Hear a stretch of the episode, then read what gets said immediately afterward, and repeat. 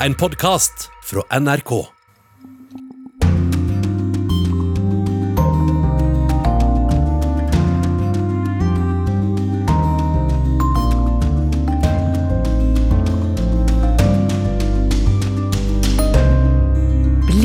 Ut i verden, hvor du får siste nytt om thrilleren av et mellomvalg i USA.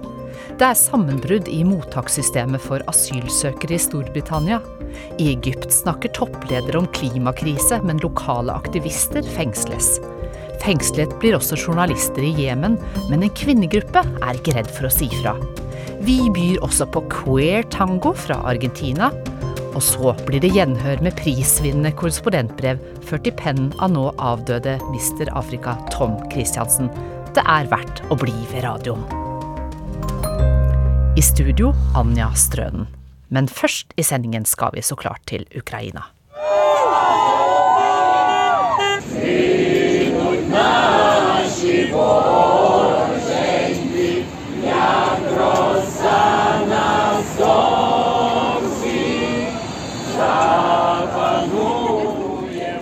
Ja, det ble feiret og nasjonalsangen runget i Ukraina i går kveld. Gleden var stor etter at de ukrainske styrkene igjen har kontroll over Kherson etter åtte måneder med russisk okkupasjon. Og korrespondent Roger Severin Bruland, du er med oss fra Mykolajev i Ukraina. Hvordan har feiringen foregått der du har vært eh, siden i går kveld? Ja, først må jeg bare si, for nå kjørte vi akkurat inn i Mikolajev, og vi kjører faktisk eh, nå inn i den sonen som før var militær sikkerhetssone. Nå, har de, nå lar de faktisk sivil eh, trafikk fritt gjennom her. Det her var jo Før så måtte vi ha på hjelm og vest og ha med oss en eh, presseoffiser. og nå ser det ut som vi kan kjøre ganske langt mot Kherson, faktisk, før vi, før, før vi blir stoppa. Så det er jo en front som har totalt eh, kollapsa dette her. Og eh, ja, vi ser jo disse store jubelbrøla og mottagelsen den ukrainske hæren får i Kherson. Det er jo bare tre og en halv mil herifra. At, eh, at det er klart det er mange som er letta og lykkelige i dag. Ja, Zelenskyj kalte dette for en historisk dag. Hva betyr dette for ukrainerne? Ja, det betyr jo utrolig mye, fordi at det her var jo den første og eneste, så vidt jeg kan komme på, regionhovedstaden som ble tatt. Det var vel den 2. mars. Et stort nederlag. Og det har jo vært en front som har vært ganske fastlåst. Her har jo vært en offensiv, men det har gått veldig veldig sakte. Vi var ute med artilleri, og vi har jo sett eh, soldatene i store skyttergrav og stillinger her som nesten så permanent ut. Og så plutselig så løsna det, og de kunne ta tilbake igjen denne byen. og eh, de russiske styrkene måtte trekke seg tilbake igjen på østsida av elva Dnipr. Eh, så en enorm seier, selvsagt. Men midt oppi denne feiringen så er det jo ikke tvil om at det fortsatt pågår en krig. Og du har sett krigens konsekvenser. Blant annet så, så vi bilder i går fra et, et sykehus. Beskriv situasjonen der. Ja, altså Det var jo ingen altså Klart en feirer akkurat i øyeblikket, men så kommer frykten. Så den blanding av feiring og frykt eh, Snakka med mange som nå hadde hørt rykter om at eh, russiske marinefartøy begynte å lade opp med raketter, og det skulle komme en slags eh, hevn for det her, eh, sånn som vi har sett det et par ganger før. Og en frykta massive rakettangrep eh, nå opp mot G20-møtet, som Putin har trukket seg ifra. I stedet for å dra til G20 på Bali, så kommer det rakettregn over byene. Og vi må huske på her at folk lever i frykt hele tida. Du er ikke trygg i din egen seng, for hvor som helst så kan disse her eh, rakettene eller missilene ramme sivile. Ja, Du har møtt en familie i en landsby i de frigjørte områdene nord for Kherson by. Hvordan preget krigen deres liv?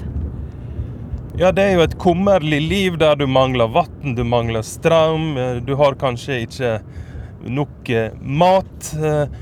Og så er det jo disse her lange slettene med, med klasevåpen som gjør det egentlig umulig å bevege seg på jordene der, som, som gjør det eh, livet svært eh, utrygt. Så, Så jeg har møtt en familie og vesle Maria som ikke kan leke fritt fordi det er minelagt rundt henne. Vi er på vei inn i Kherson fylke, frigjorde områder. Men det er farlig. I kveiteåkrene står hvite påler, bæreraketter til klasevåpen. Tusenvis av små blindgjengere gjør jorda her dødelig. Vi møter Katerina og dattera Maria, som har bodd her under hele okkupasjonen. Maria vil vise oss noe i hagen. Der står restene av en bærerakett til klasebomber. What did you think? Ну, нічого не подумала. Просто впала. Raketten ramla ned, forteller Maria. Det var vanskelig. Hele huset rista. Mor sa jeg ikke måtte gå på jordet fordi det er biter av ei klasebombe der, og trakker du på dem, så eksploderer de. Jeg gret fordi jeg er redd, forteller hun. Ми його там, е, ну зараз уже в хаті, слава Богу, а так ми в підвалі спали. Ми все время. Familien mangler strøm og ønsker seg et dieselaggregat. Om natta sover de i en mørk kjeller, forteller mor. Det er rått, det er mørkt, det er skremmende. Og da er det nok godt å ha denne dokka for ungene å finne litt trøst i. Ute på veien møter vi en eldre mann som forteller at svigersønnen ble drept ved skolen til Maria.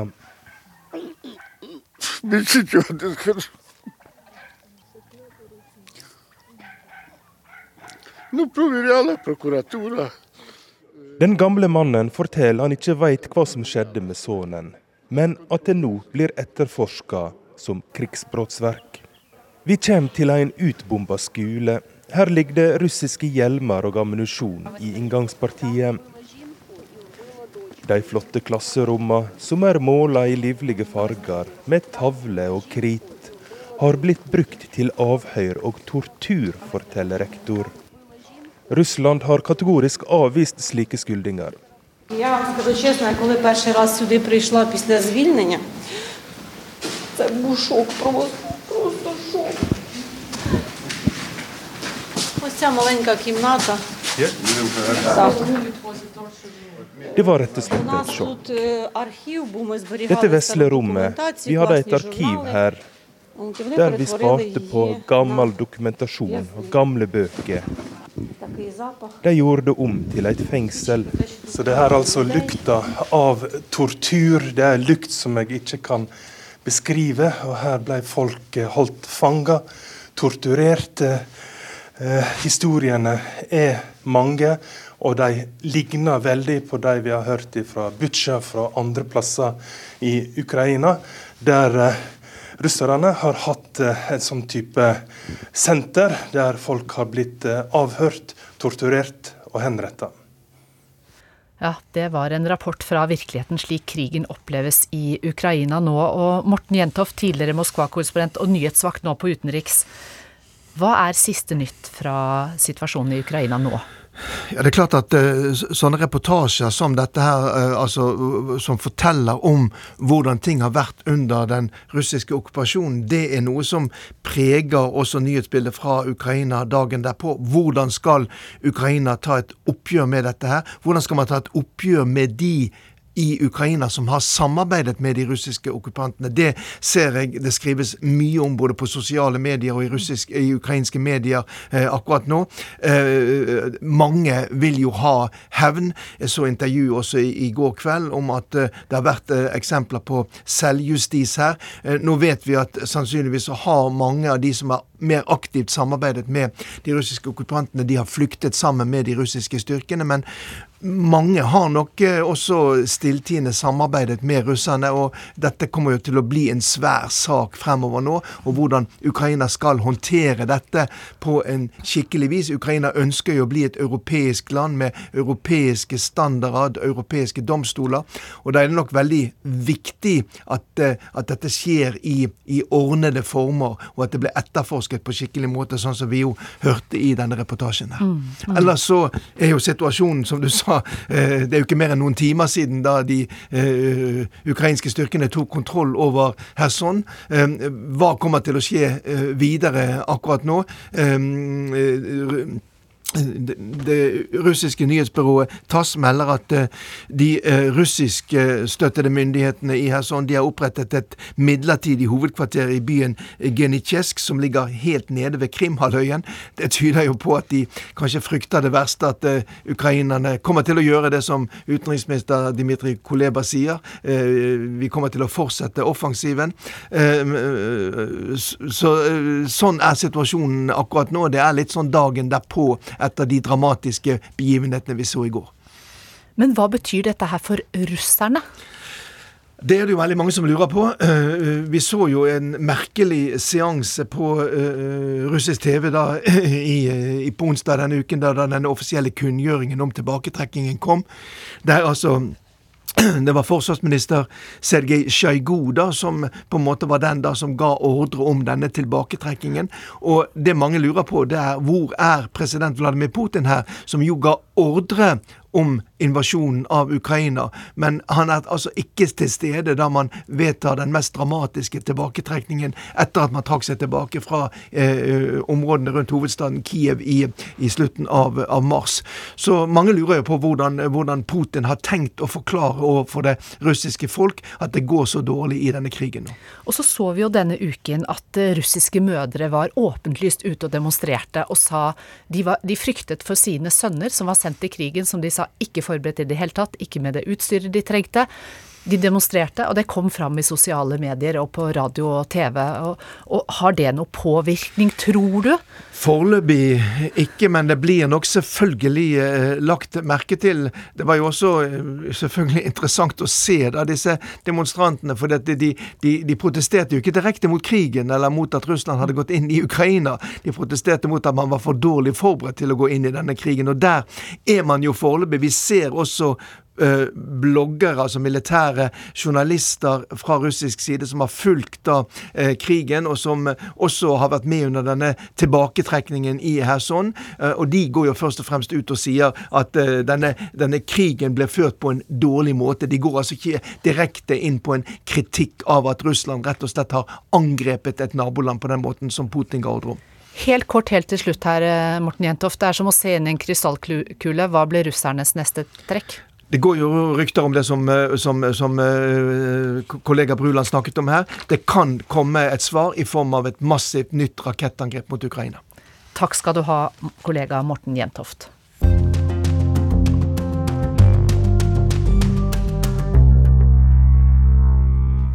I USA er mellomvalget fortsatt ikke avgjort, men i natt kom demokratene én plass nærmere flertallet i Senatet da demokraten Mark Kelly ble erklært som vinner i Arizona.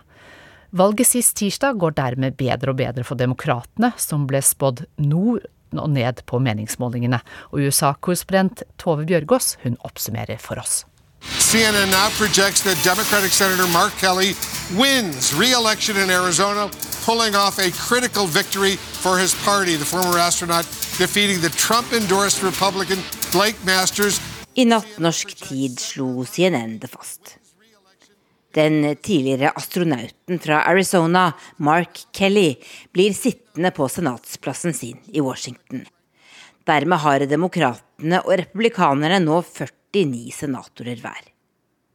Resultatet i delstatene Nevada og Georgia er fortsatt uavklart, og dersom demokratene vinner én av de to delstatene, har de flertall i Senatet fordi visepresident Camela Harris også har en stemme der.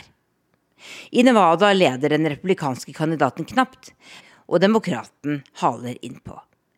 I Georgia blir det en andre valgomgang om Senatet i desember, fordi en må ha mer enn 50% av stemmene for å vinne. Det tar tid å telle opp stemmene vest i USA pga. systemet for forhåndsstemming. Og dermed er det heller ikke endelig avklart at republikanerne faktisk vinner flertall i Representantenes hus. Der leder partiet nå med bare åtte seter når det er 21 valg som er uavklarte. Uansett hva som blir det endelige utfallet, er det demokratene som har gjort det mye bedre enn ventet ved dette mellomvalget. Men nå tilbake til Arizona. Hvordan er eh, stemningen i Phoenix? Nei, her venter nå egentlig alle på resultat. Det tar lang tid, fordi at de har, eh, de har så mange ekstrastemmer som eh, har kommet litt sent. Da. Og da gjør det at de er nødt til å bruke mer tid.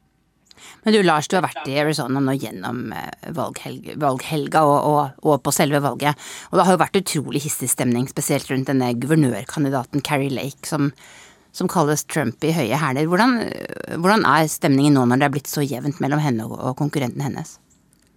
Ja, nå ser du at Carrie Lake har vært ute på Fox News, hun har vært ute på andre høyre, høyrevennlige nyhetskanaler, og hun snakker egentlig Eh, ned hele valgsystemet i Arizona. And so they slow roll the results, and then they want to make it look like the Trump Republicans don't have a chance. Har du noe inntrykk av hva folk tenker om at hun holder på sånn som hun gjør nå? Det har vært ganske uh, aggressivt, og, og, mange mener jo at Carrie Lake har vært veldig hard da, i, i retorikken sin. Men du har jo, du har jo noen eksperter eksperter som sier at det er nettopp det hun er så flink til. Fordi at forskjellen på republikanerne og demokratene, ikke alltid, men ofte, det kan jo være at republikanerne har mye enklere salgspitcher til sine velgere. Og Du snakka med en, en, ja, en, slags politisk kommentator i går om akkurat de tingene her. Ja, um, Stan Barnes han har vært eh, politiker eh, for rundt 20 år siden. Han satt i lokalt styre her i Arizona, men nå har han jo holdt på i, eh, i, snart 20 år med å sette litt på hvordan Arizona er. Og han kommer med en veldig viktig observasjon, og det er jo det at Arizona faktisk er ganske likt hele USA da, i forhold til hvordan politikken står. I, and, you know, a number of states in the United States are just lopsided, one-sided. They're just very conservative or they're very liberal. But Arizona is a perfect balance of demographics, of new versus old. Most people in Arizona are not from Arizona. They're from other states in the United States. And so that, that too makes it more interesting.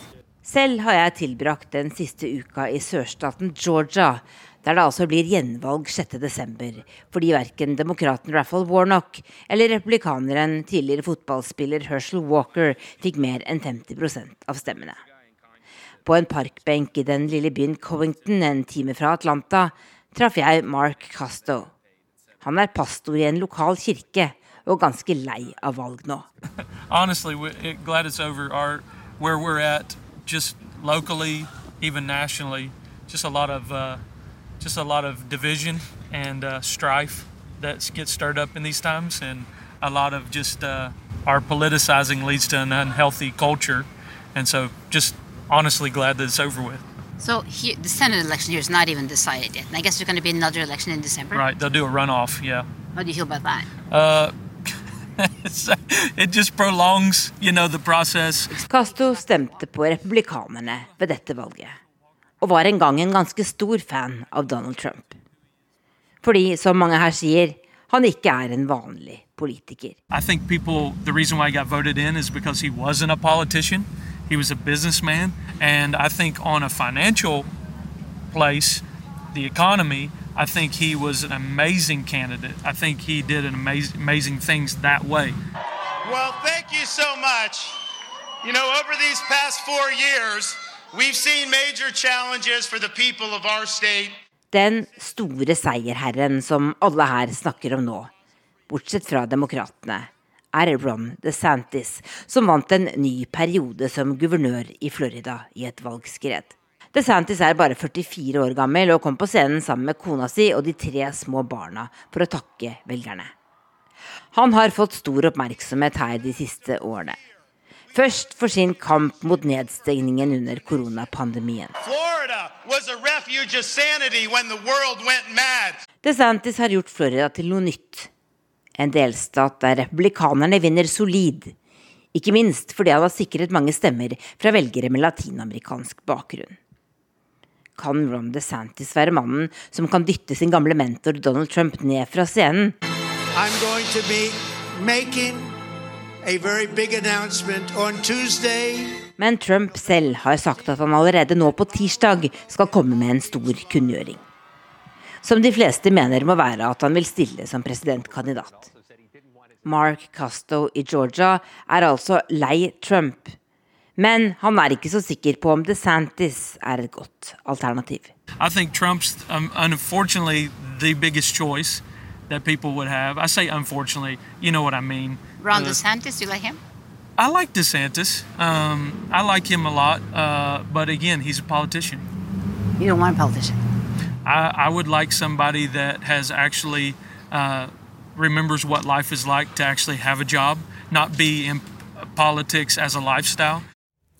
Det var korrespondentene Tove Bjørgaas og Lars Os som hadde laget denne reportasjen.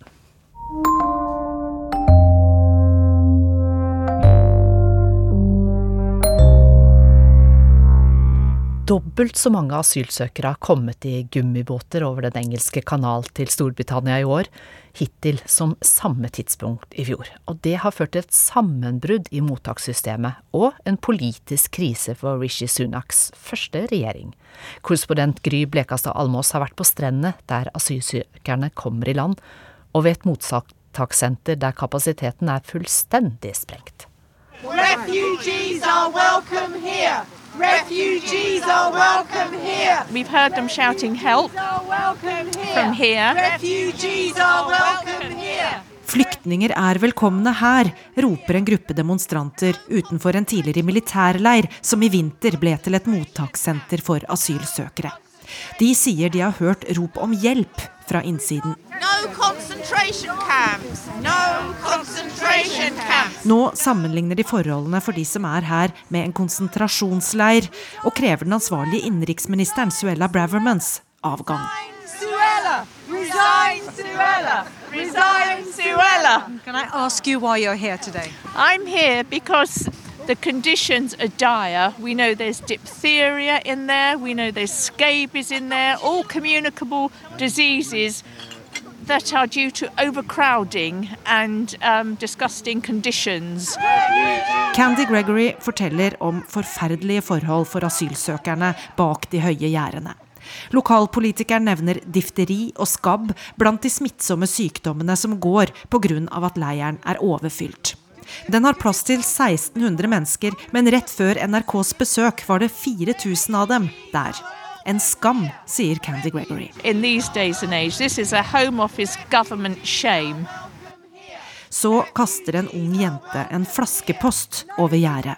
Til journalister, organisasjoner, til alle, skriver hun, og forteller om gravide og syke som trenger hjelp, og at 50 familier har bodd på senteret i over en måned. De skulle egentlig bare vært der et døgn, men britiske myndigheter vet ikke hvor de skal gjøre av dem. Refugees are welcome here. Men ikke alle er overbevist om at migrantene er så velkomne til Storbritannia. På stranda i Dover treffer vi John, som ikke vil si etternavnet sitt. Han plukker søppel. two parts of rubber dinghy, about the size of a, a car roof. Uh, I found a life jacket. I det siste har han funnet både deler av en gummibåt og en redningsvest liggende slengt på stranda. 40 000 mennesker har tatt seg over Den engelske kanal hittil i år. Det er dobbelt så mange som på samme tid i fjor.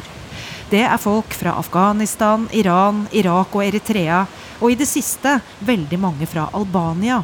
Én av tre som har kommet over kanalen hittil i år, er albanere.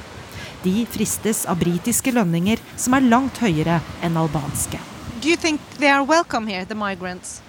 Well, um, it's, it's becoming a hell of a problem. Some people uh, say, you know, no problem, you know, uh, but um, it's getting to a stage where this country won't be able to sustain I, th- I think the people are getting very uneasy in this country. It's, it's a difficult one. Det er vanskelig, sier John, men det er uholdbart. Britene er hardt rammet av økonomiske nedgangstider. Mange har fått mye dårligere råd. Da er det ikke like lett å skulle dele på godene. Lavere innvandring og kontroll av grensene var også et mål med brexit, men et mål det har vært vanskelig å nå. Både fordi britene har et desperat behov for arbeidskraft de ikke klarer å dekke selv, og fordi den ulovlige båttrafikken fra Frankrike og Belgia har økt.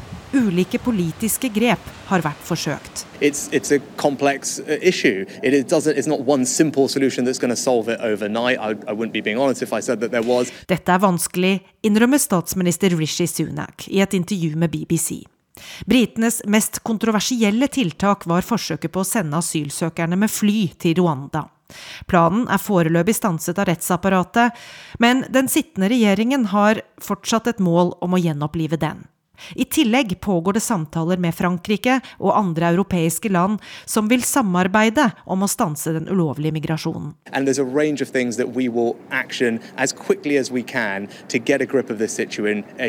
and, and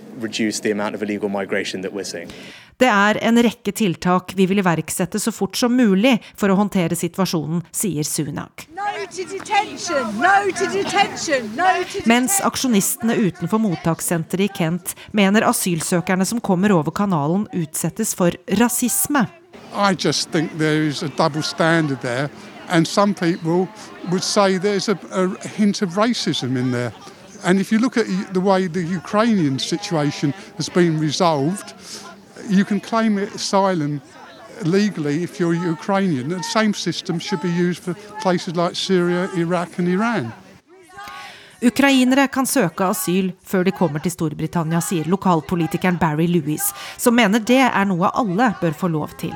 Han mener den migrantkrisen britene nå står i, sverter Storbritannias omdømme. It's a stain on Britain, what's happening here. Refugees are welcome here. Refugees are welcome here. Vi skal til Egypt, der klimatoppmøtet COP27 foregår. Help! Our patient is dying! The earth is dying! 1.5 to stay alive! 1.5 to stay alive! The clock is ticking. We are in the fight of our lives and we are losing. The challenges we face are great, but our capacity is greater than the challenge. We must never doubt that. So let's reach out and take the future in our hands and make the world we wish to see and that we know we need. A planet preserved for generations to come. And our planet is fast approaching tipping points that will make climate chaos irreversible. Ledere fra hele verden er samlet til klimaforhandlingene i Egypt. Men mange egyptiske aktivister får ikke være med og snakke om verdens klimautfordringer i Sharm el-Sheikh. Vi har snakket med noen av dem. Fiskeren Mohammed Nasser ror den fargesterke trebåten ut på Nilen. Hele elvebredden er dekka av plastsøppel. Det er ikke fisk, men plastflasker han får opp i håven sin. Fiskinga ga meg ikke nok inntekt. Nå samler jeg plastflasker for å skaffe penger til barn og husholdning, forteller Nasser til nyhetsbyrået Reuters.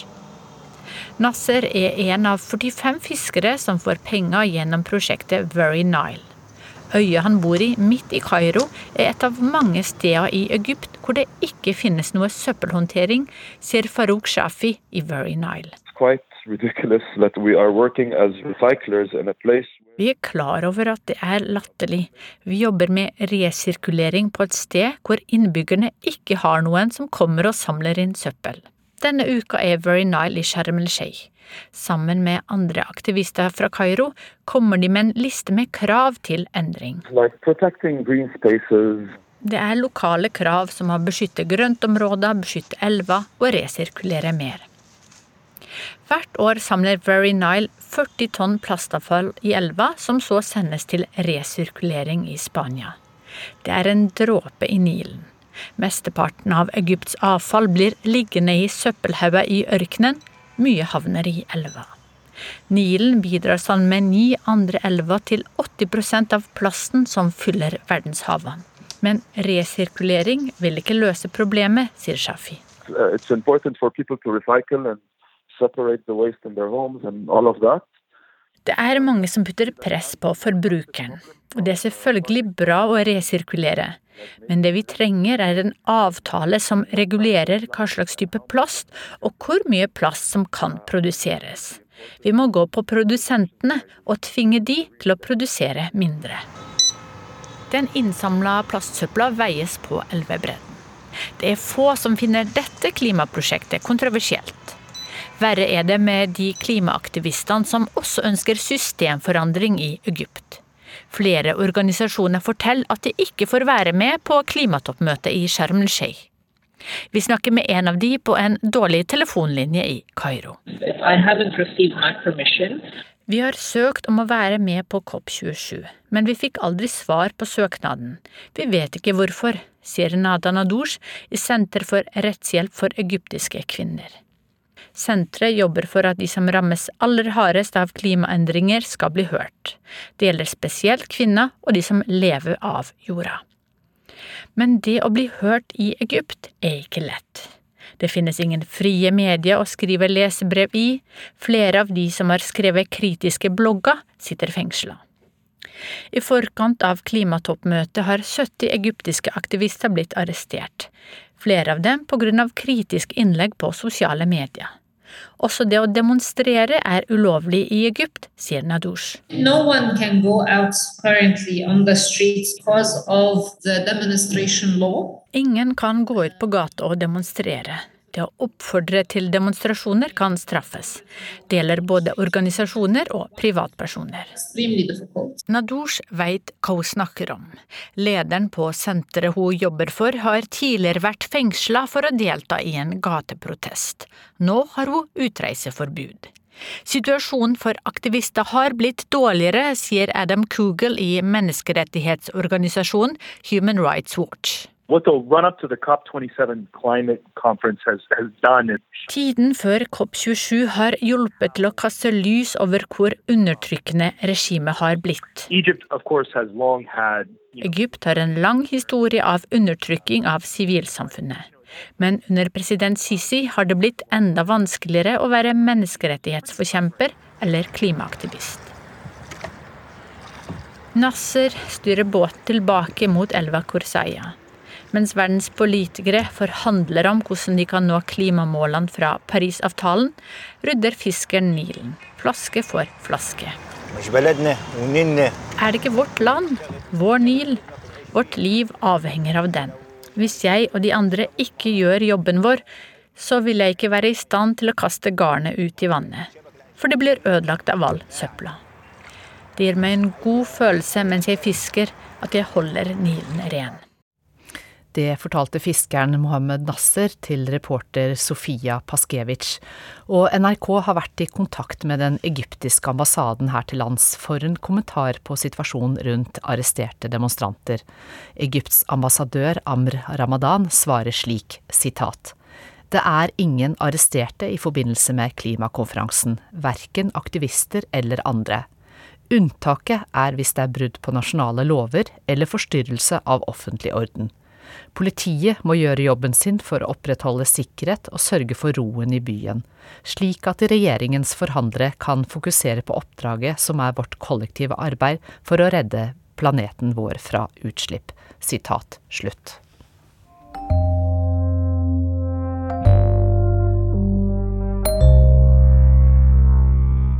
Vi skal til tangoen sitt hjemland Argentina. Der er tangomiljøet preget av en machokultur der kvinner blir undertrykt, mener kritikerne, og det vil de gjøre noe med. Den såkalte tango queer-bevegelsen ønsker å revolusjonere den svært tradisjonelle dansen.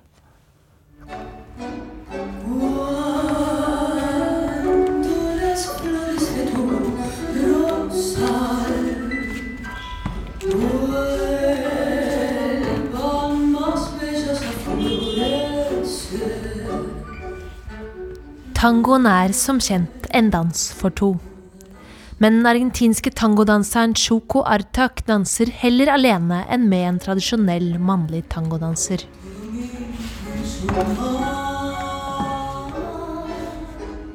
For hun har for lengst fått nok. Hun finner seg ikke lenger i, i at kvinnen bare er et tilheng til mannen i dansen.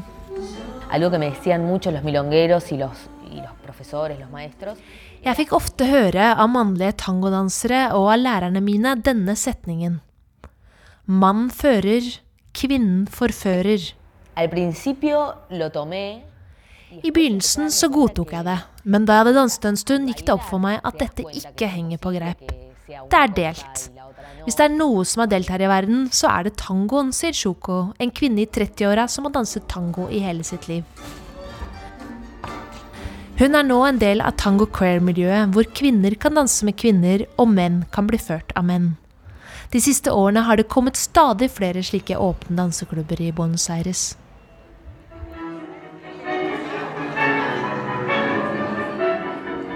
Men ikke alle er like begeistret for den nye tangoretningen. Tangoen er bygget på machokulturen. Det er mannen som fører. Kvinnen kan ikke føre fordi tangoen alltid har vært slik. Man har danset tango siden slutten av 1800-tallet, og mannen har alltid ført. Det sier Rodolfo Rodriguez. Han er godt oppe i 70-årene, men danser fortsatt på tangoklubbene flere kvelder i uka. Kjører du bil i første gir hele veien hjem, så eksploderer den nærmest. Dette er det samme. Du må markere så hun vet at hun skal stoppe, at hun skal gå frem eller tilbake. Skjønner du?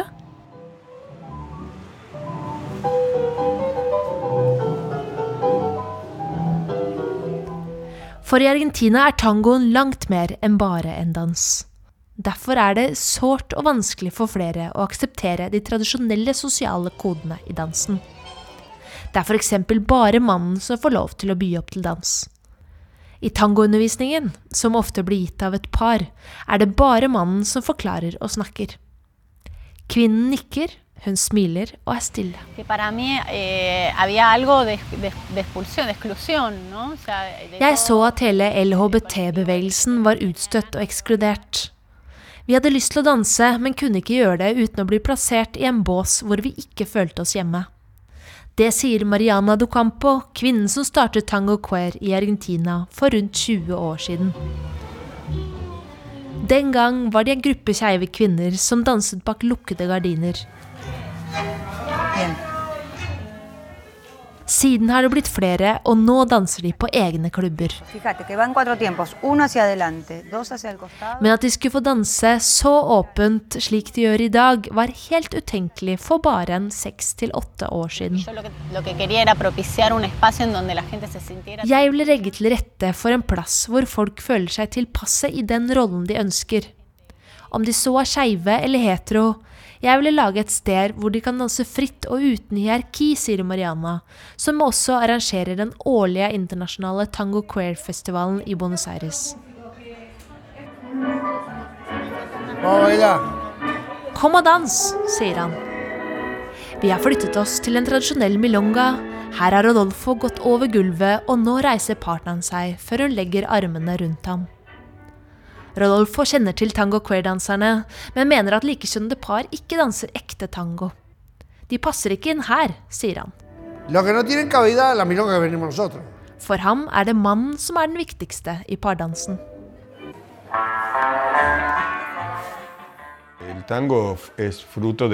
Tangoen er et resultat av samfunnet hvor den ble skapt og utviklet. Machokulturen innad i tangoen er den samme som i resten av samfunnet, sier aktivisten og tango queer-danseren Edgardo Fernandez Sesma. Han underviser både i tango queer og tango for funksjonshemmede. Edgardo danser selv i tango queer-klubbene, men her er det ikke én tradisjonell tangodanser å se. Det vil han, Shoko og Mariana gjøre noe med.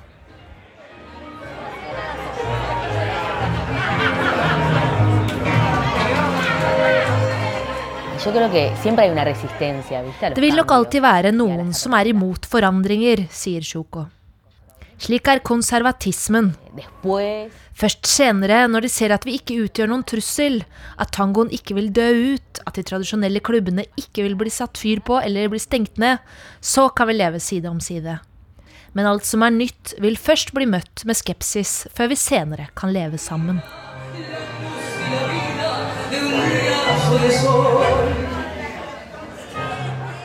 Reporter i tangoens hjemland Buenos Aires, Hilda Nyflot.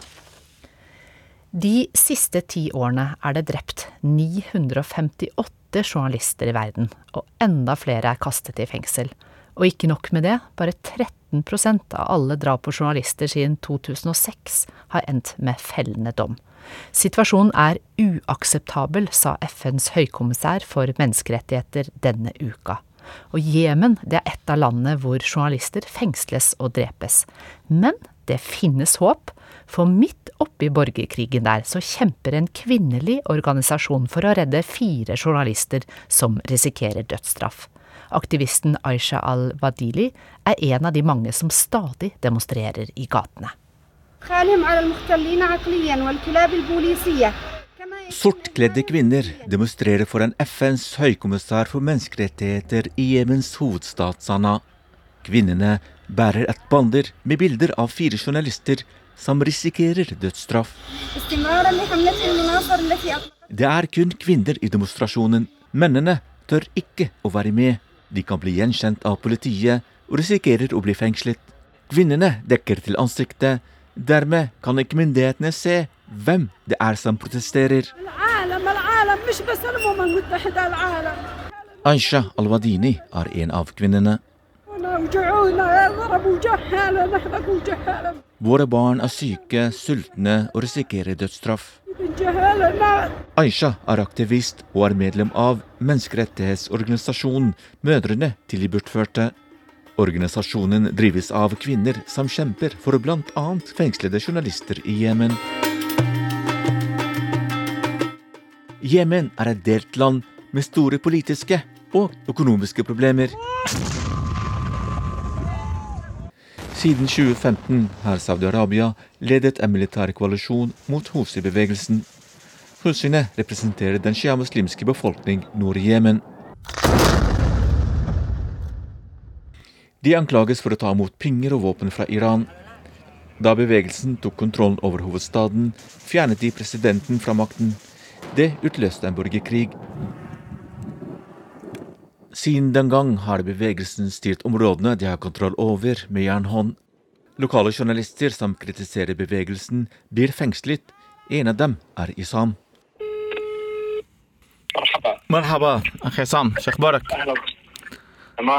Isam var en ung journalist da han ble arrestert sammen med andre kolleger av Hosine. Fem år senere ble han og fem andre journalister løslatt med hjelp av FN.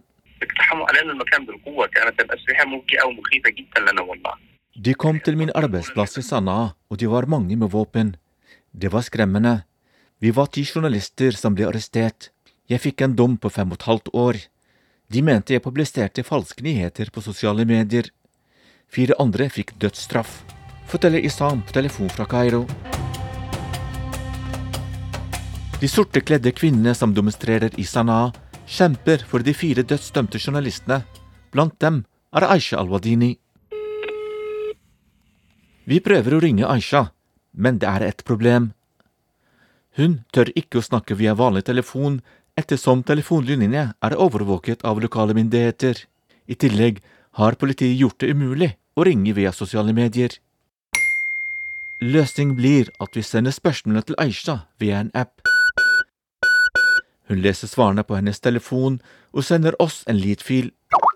I tillegg gjøres det opptak av demonstrasjonen og publiserer det på YouTube.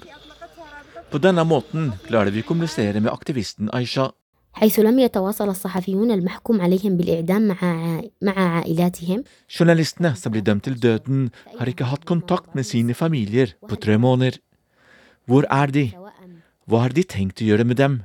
De fikk en urettferdig dom, forteller Aisha. Vi ringer Loai al-Shami. Loai var direktør for informasjonsministeriet som styres av al-Hosi-bevegelsen. Nå har han fått en ny jobb som journalist og har klare meninger om journalistene som er dømt til døden. Journalistene som blir dømt til døden, spionerte for fremmede makter. De var ikke journalister, men publiserte enkelte ting på forskjellige nettsider. De fikk en rettferdig rettssak, forteller Al-Shami fra Sanaa til NRK. Men journalistene i Sam i Egypt mener noe annet. Jeg ble aldri anklaget for spionasje, men for falske nyheter. Jeg ble løslatt etter en fangeutveksling med hjelp av FN. Men jeg er ikke soldat, jeg er en journalist, sier Isam til NRK. Journalister blir fengslet over hele Jemen, også i regjeringskontrollerte områder. Dette må ta slutt, forteller aktivisten Aisha. جميع أطراف الصراع في اليمن تقمع الصحفيين وتريد alle parter i konflikten i Jemen undertrykker journalister. De bruker våpen for å få journalistene til å lukke munnen og ikke fortelle verdenssamfunnet om folk lidelser i Jemen.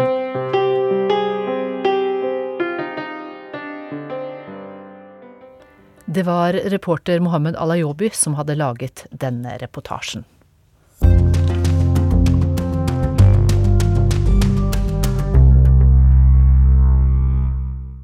Tidligere korrespondent, forfatter, kollega, mister Afrika Tom Christiansen døde sist søndag. Hans fortellerkunst har trollbundet mange av Urix på lørdag sine lyttere. Vi hedrer hans minne ved å sende et av hans sterkeste korrespondentbrev på nytt. Brevet vant Pri Radio i 2006, og juryen begrunnet sin avgjørelse slik. Årets feature- og temaprogram er en enkel, gripende og et helt fantastisk radioprodukt. Dette er et godt og bildesterkt innslag som gir juryen gåsehud. Fortellerteknikken er fabelaktig, og stoffet er formidlet på en fremragende måte. Her er historien om jenta og gribben, fortalt av Tom Christiansen. Jeg blir aldri ferdig med bildet som Kevin tok i Sudan. Det er tolv år siden nå, og du har kanskje sett det du også. Helt enkelt et barn og en fugl. Ingen lyssetting, ingen effekter. Kevin var bare til stede i det avgjørende øyeblikk som gjorde hans arbeid til fotohistorie, og Sudan for en stakket stund til et åsted for vår kollektive oppmerksomhet. Og dette hundredels sekund skal vende hans liv. Først til topps, og så til bunns. Det var første gang Kevin Carter var i Sudan. Han bodde i Johannesburg og var et kjent ansikt blant fotografene i Sør-Afrikas voldsherjede bydeler for svarte. Tunglastet med utstyr var han til stede, alltid i olabukser og T-skjorte, en ung, vakker mann med gode øyne og et uimotståelig smil.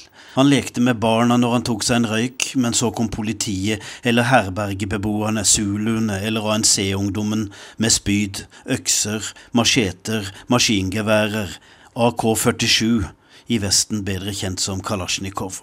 Så var det gateslag, og Kevin balanserte den tunge bagen og det ene kameraet over skulderen mens han skjøt med det andre, nærmere og nærmere og så tilbake, han så seg rundt for å finne gjemmesteder. Det var et desperat håndverk. Vi andre kom til når likene lå i gatene eller dagen derpå. Da hadde Kevin for lengst gått i mørkerommet eller var på vei til nye tragedier. Han og de andre fotografene ble kalt The Bang Bang Club. De tok bilder av drap mens de ble begått. En mann hugger løs på en annen som allerede ligger på bakken. Kvinner som leter etter sine barn og finner dem ikke. En bestefars rynkede, sorgfulle ansikt med en bakgrunn av opprør. En tenåring som slår hjul midt blant brennende bildekk. På kveldstid trakk Kevin seg tilbake til sin dacha, den lokalt dyrkede marihuana. Det roet nervene og brakte ham bort fra sitt miserable liv. Alltid dårlig råd, knapt et bosted, fra kvinne til kvinne. Han ble i farten far til et barn. Alle kvinner ville ha ham, men han var ikke til å leve med. Etter hvert røykte han hvit pipe, dacha blandet med mandrax, et forbudt beroligende middel som skaper en kortvarig, intens lykke med fred og innsikt, men du blir avhengig på kort tid. Så ble Kevin sendt til borgerkrigens Sør-Sudan. Tørke, sa rapportene, hadde skapt en ny sultkatastrofe. Kevin dro inn med et småfly, og han gikk rett til feltklinikken. Her var døende og overlevende, han fikk alt han trengte. Ansiktene, ribbeina, sorg, fortvilelse. Et barn som ligger med utslåtte hender på et skittent jordgulv, som korsfestet til den dødens skjebne det er å vokse opp i Sør-Sudan. Kevin gikk ut for å en røyk. Han går innover mot bushen, her er nye motiver. Da ser han en liten pike som har falt under byrden av seg selv, en liten menneskeklump foroverbøyd langs veien til klinikken. Han legger seg helt ned og finner det riktige perspektivet, og så går hele rullen. Han bruker det gamle kameraet sitt, en Leica. Mens Kevin skifter film, lander en åtselfugl rett bak piken. Hjertet hopper i Kevins bryst, det er ikke mulig. Han endrer vinkelen, piken bare ligger. Fuglen hopper litt rundt. Kevin ligger flat på bakken nå, og slik blir han liggende, for motivet beveger seg ikke. Piken kan ikke reise seg, og fuglen angriper ikke. Her finnes mange åtselsfugler omkring, mange barn også, men på Kevins bilde er det bare de to, åtselfuglen og piken, helt alene, ingen til å hjelpe, ingen til å trøste, hun er overlatt til sin egen skjebne i Kevins bildeutsnitt, vi ser at hun har tapt. Selv om bildet skildrer et hundredels sekund av hennes liv, ser vi likevel fortsettelsen. Vi ser hva som kommer til å skje, men det må ikke skje. Kevin Carter lar oss ikke slippe unna. Dette er ingen billedserie. Det er ett bilde, ett eneste. Ikke noe før, ikke noe etter. Han overlater oss til våre egne tanker. Kevin, piken og åtselfuglen. Han vifter med hånden, vil ha et fullt vingespenn. Det får han ikke fuglen med på, så han skremmer den bort. Piken klarer til slutt å reise seg og stavrer mot sin overlevelse på klinikken. Kevin setter seg under et tre, tenner en sigarett og gråter. Han lengter til sin datter i Johannesburg. Han må ha noen å holde rundt. Da bildet tikket inn i fotoredaksjonen i The New York Times noen dager senere, ble det stille rundt telefotomaskinen. Redaktører sto og gråt. De hadde aldri før sett et slikt bilde. Så full av råskap, så direkte, livsfarlig, og samtidig, Kevin Carter hadde fått med verdigheten rundt dette lille sammenfoldede vesen på bakken. De kunne ikke få slått det stort nok opp. Kevin Carter kunne siden reise til USA for å motta verdens høyeste anerkjennelse for en pressefotograf, Pulitzer-prisen. Da hadde en stor debatt reist seg på flere kontinenter, og den startet samme kveld bildet sto i avisen. Hva skjedde med piken? Hva gjorde fotografen etterpå? Hvorfor jaget han ikke åtselfuglen istedenfor å ta bilde av den? Leserne ville vite, og Kevin svarte ærlig da redaksjonen ringte ham. Hva jeg gjorde? Ingenting. Jeg tok meg en røyk. Ja, men piken, døde hun? Det visste ikke Kevin Carter, men han visste at klinikken var et par hundre meter unna, og at hun gikk dit på egne bein og fikk mat og drikke. Nei, han hadde ikke vurdert å berge livet hennes, han hadde aldri vurdert å adoptere ofrene for den verdens djevelskap han hadde festet til filmen, han like lite som leserne. Andre kritikere med tyngre skyts hevdet at det var Carter som var åtselfuglen. Han, frilansfotografen, hadde tjent penger på pikens tragedie. Han var riktignok en mester, men i en kynisk bransje som vet at det er drama og katastrofe som selger. I går Johannesburg, i dag Sudan, i morgen Irak. Fra Tokyo fikk Kevin et brev fra en pike. Hun skrev Jeg har vært en selvopptatt jente helt til jeg så det bildet.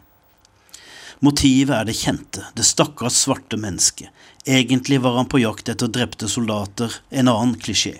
Forberedelsene begrenset seg til en godt pakket koffert med myggnett og proviant. Kanskje var det en annen historie der ute som kunne gitt et annet bilde. Han kunne le seg til konflikten mellom bøndene og soldatene som krever sin del av avlingen. Han kunne sett etter hvem som tok maten når geriljasoldatene hadde losset flyet. De lokale helsearbeiderne som hvite leger stiller seg foran, de er de egentlige heltene i felten. Kevin lette ikke etter dem, han visste hva han ville ta bilde av, en klisjé, men den skulle være annerledes og mer dramatisk enn noen før hadde sett. Det er jo det han lever av. Krigssonens og nødens fotografer tar sine bilder, sender det beste til redaksjonen og går uanfektet videre. Et filter, kanskje selve kameraet, holder dem på avstand fra det de ser. Vært der, sett det, farvel. Men ikke Kevin. Hans følsomme sinn var ikke egnet for dette yrket. Han la ikke hendelsene fra seg. Jo, han gikk fra en pike i Sudan, men hun forfulgte ham helt hjem. Kevin visste at Afrika ikke er slik som Sudan byr seg fram denne dagen. Han elsket det vakre og det varme. Hvorfor tok han ikke heller bilde av det? Jeg hadde tenkt å spørre han om det en gang når vi likevel var på jobb sammen. Hvorfor bare det heslige Kevin? Jeg kom aldri så langt. Kevin kjørte bilen sin ut på et jorde i juni 1994, festet en grønn hageslange til eksosrøret og førte den andre enden inn bakvinduet. Han lot motoren gå mens han hørte på musikk, og så skrev han, skrev og skrev til han døde. Jeg er kommet til et punkt hvor smerten over livet overgår gleden, til et punkt hvor gleden ikke er mer. Jeg er hjemsøkt av minner som ikke blir borte, om drap og lik og sinne og smerte. Det var det siste Kevin rakk å skrive. Takk, Tom Christiansen. Og til slutt i Urix på lørdag så tar vi med at uh, Tyskland gjør som Frankrike og Nederland og trekker seg fra en energiavtale som ifølge kritikerne beskytter investeringer innen fossil energi. Dette er et viktig signal for FNs klimakonferanse som pågår nå. Frankrike og Nederland trakk seg tidligere i uka fra avtalen, som ble inngått i 1994. Urix på lørdag takker for laget. Fikk du ikke med deg hele sendingen, så husk at du kan høre Urix på lørdag når som helst der du finner din podkast. Teknisk ansvarlig for denne sendingen var Bobo Bjørnskjold. Produsent var Anne Skårseth. I studio Anja Strøm.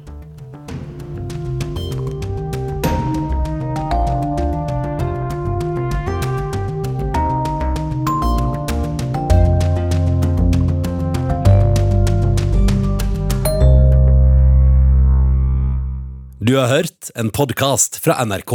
Hør flere podkaster og din favorittkanal i appen NRK Radio.